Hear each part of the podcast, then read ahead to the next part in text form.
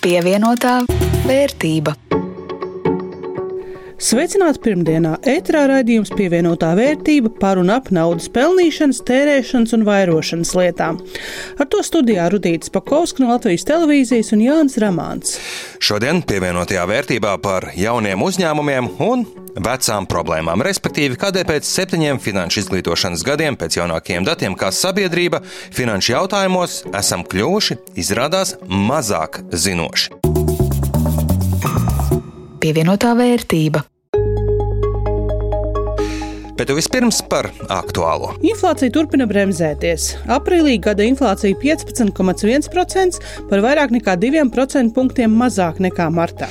Patīkama ziņa te gan kārtībā reiz atgādināšu, ka inflācijas sarukums nenozīmē, ka viss būtiski kļūst lētāks vai atgriežas iepriekšējos cenu līmeņos, bet gan tikai to, ka cenas neturpina augt tik strauji kā iepriekš. Nu jā, ja paskatāmies nevis gada, bet gan mēneša griezumā, tad aprīlī vidējais patēriņa cenu līmenis ir pieaudzis par 0,3%, kas jau ir vērtējams kā tāds plus-mínus veselīgs un vēlams inflācijas līmenis.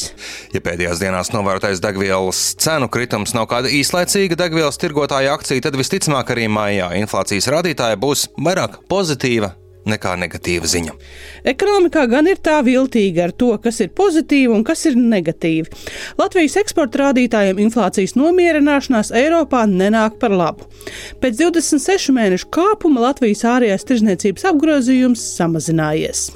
Jā, martā Latvija eksportējusi preces 1,83 miljārdu eiro vērtībā, jeb par 2,1% mazāk nekā pirms gada. Un piebildīšu, ka tas nenozīmē, ka mazāk eksportējām preču skaita ziņā, bet gan to, ka vērtība šīm precēm gan bija mazāka.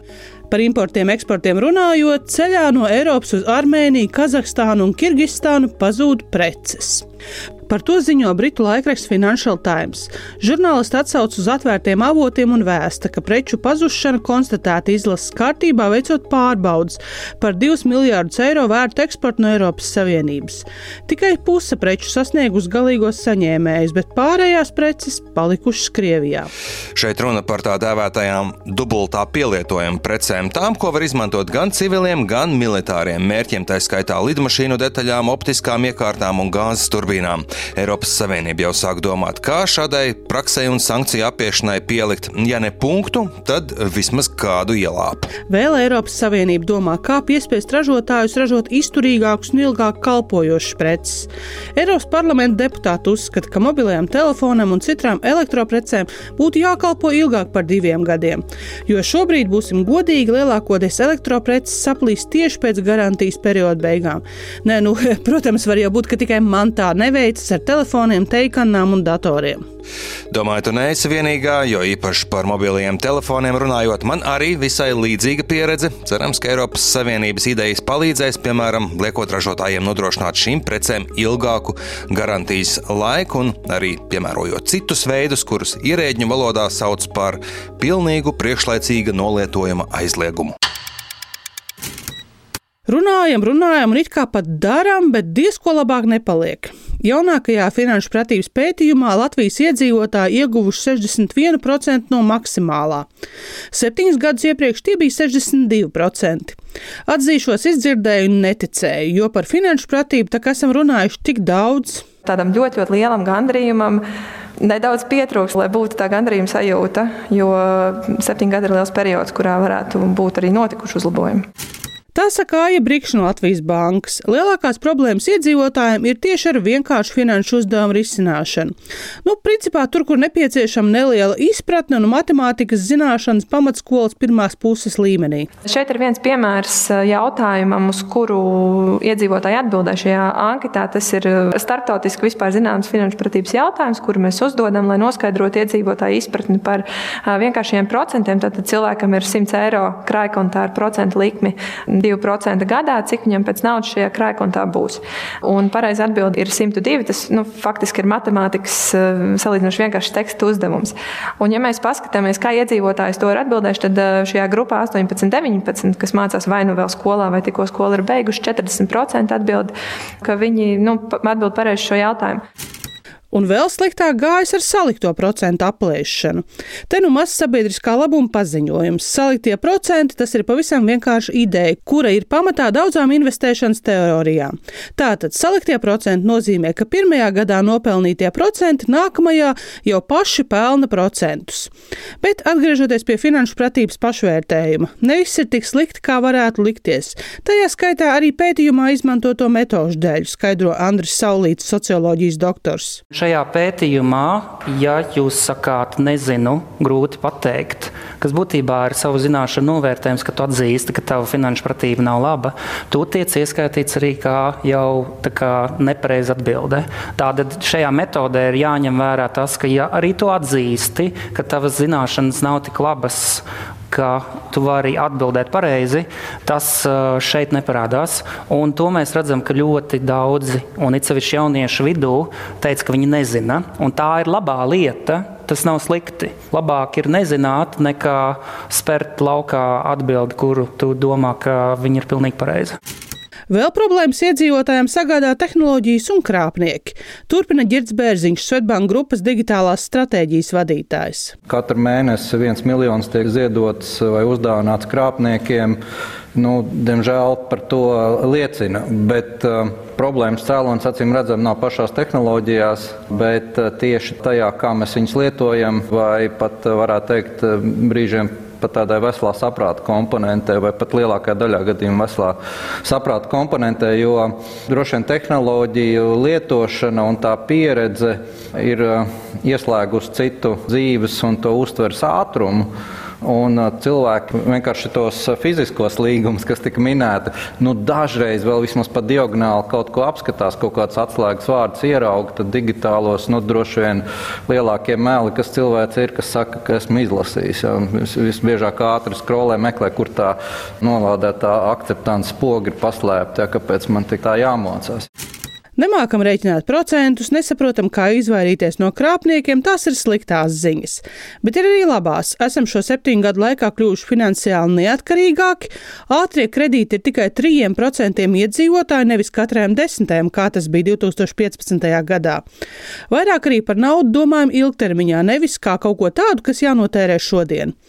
Brīkša no Latvijas bankas atzīst, kopumā mūsu pašvērtējums par mūsu pašu finansiālo pratību ir visai adekvāts. Cilvēki patiesībā ļoti adekvāti novērtē savas uh, zināšanas šajā jomā. 14% tās vērtē kā augstas, un tik tiešām apmēram tieši šādā apjomā arī iedzīvotāji ir, kuriem šīs zināšanas ir uh, šādas. Un, uh, jā, gan daudz cilvēku saka, ka viņiem ir vai nu vidējas zināšanas, un arī par pašiem jauniešiem runājot, 42% no viņiem vērtē savas zināšanas nevis kā vidējas vai kā augstas, bet viņi saka, ka mums ir sliktas zināšanas. Bet ko šis indeks atklāja par investēšanu?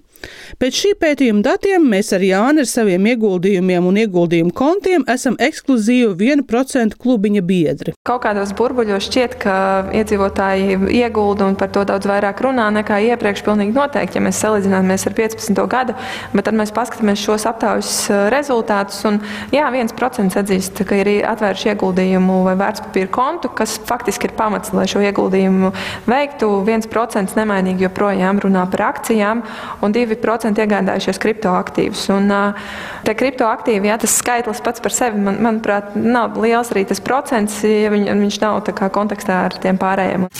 Kriptovalūta 2% konteksts nu, par lielu īpatsvaru pret pārējiem investīciju veidiem, skaidro Anģelika Dobrovoļska Luminor grupas investīciju jomas vadītāja. Tas nav pareizi. Ja? Cilvēkam tomēr vajadzētu no sākuma paskatīties un izveidot kaut kādu labu, diversificētu, pārdomātu portfeli un tikai pēc tam skatīties uz kaut kādiem riskantākiem aktīviem. Bet arī pie investīcijām, vismaz pēc finanšu dzīves labiekārtošanas likumiem, nav vērts ķerties pirms sagādāts pamata drošības spilvens, uzsver Bērziņš no Svetbanka. Ieguldīšana tas jau ir tāds finanšu pratības vai finanšu rīcības piramīdas jau kaut kādā augstākā līmenī. Jā, būtu diezgan neprātīgi veikt uh, ieguldījumus, ja nav šis uh, krīzes spilvens vai, vai drošības spilvens, ja ko mēs sakam, kaut kāda aptuveni trīs mēnešu alga apjomā, ja jums ir pieejama likviditāte, tad, nu, tad sāciet domāt par tādu nopietnu ieguldīšanu. Jā, droši vien, ka pamēģināt un saprast, ko tas nozīmē, vajag agrāk, ja, bet tā metodiski droši vien, kamēr netiek pār tam drošības pilvēm līmenim, nu, arī nebūtu finansiāli ļoti gudri. Bet noslēdzot sarunu par mūsu kopējo finanšu zināšanu vai nu nezināšanu, ļoti interesanti bija dzirdēt ekspertu domas par to, kādēļ tad situācija ir tāda, kā ir. Piemēram, Andris Saulīts, socioloģijas doktors, piesauc politiķus un politisko procesu. Līdz šim, manuprāt, vēl nevienas saimnes vēlēšanas nav bijušas par ekonomiku. Tā ir arī liela problēma. Un man šķiet, ka ja arī tas politiskais diskurss nav par ekonomiku. Mums šobrīd ir, protams, par izrāvienu, par ekonomisko transformāciju, bet pēdējās trīs nedēļas dzirdu tikai, ka prezidentam ir jābūt staltam vai staltai. Tā kā tas ir jautājums, vai mēs runājam par personālijām, vai mēs runājam par politekonomiju kā valsts pārvaldes formu, un mēs diskutējam par to šādā līmenī līmenī. Līdz ar to tas, vai viņš ir vecs vai jauns, viņam ir jāsaprot nedaudz vairāk par finansēm, lai viņš vispār saprastu, par ko šobrīd runā sabiedrība. Nu, jāpiekrīt, turpat sanāk nedaudz vistas un olas problēma. Sabiedrība nesaprot, un tādēļ politiķi nerunā, un tā kā lēmumu pieņēmēji par to nerunā, sabiedrībai pat nerodas interese un vajadzība mēģināt saprast un, runājot ar sabiedrību, izmaiņas var panākt. Arī finanšu zināšanu jomā. Jo to, ka aizņemties nedomājot, ir slikti mums iemācīja, uzskata Santa Kazaka, Valmieras pārgājas valsts ģimnāzijas sociālo zinātņu skolotāja. Brīdī, kad 15. gadā tika nomērīts, mums ir eh, slikti ar aizņemšanos, kas tika darīts? Milzīgas kampaņas, kā aizņemties, tas nav labi aizņemties nepārdomāt, tas nav labi. Tad patiesībā jau mums ir, mums tikai ir jāparāda ceļi tiem, kas varbūt nekad dzīvē nav par to aizdomājušies.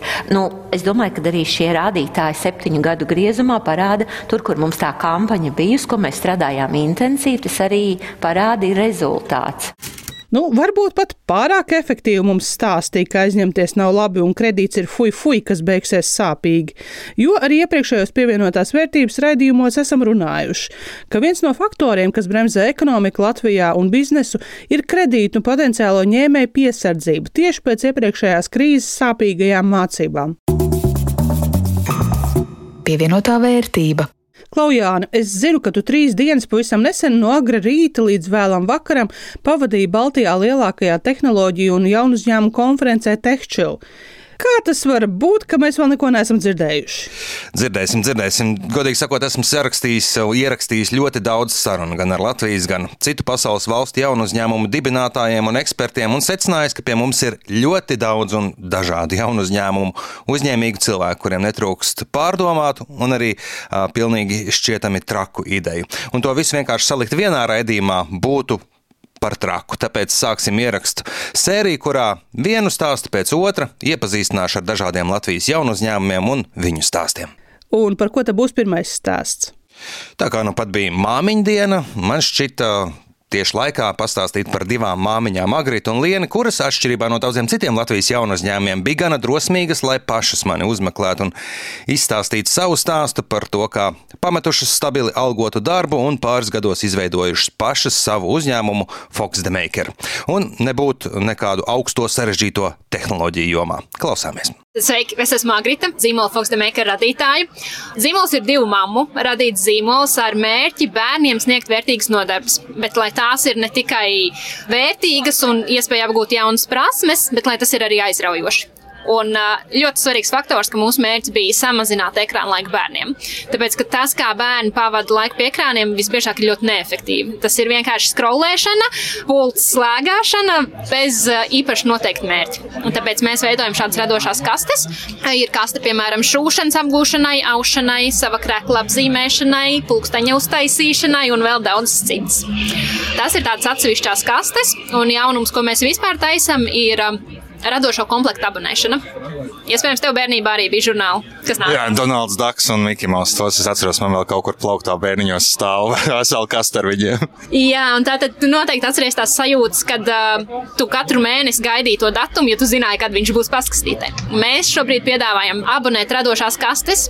Uz pusgadu šobrīd ir uh, līnija, kur katru mēnesi bērnam nāk jauna radošā kaste ar jauniem radošajiem uzdevumiem, un viņš pusgadu laikā pats izveido savu rotaļlaukumu ar koku cilvēciņiem, mašīnām, pilsētas laukumu, kokiem.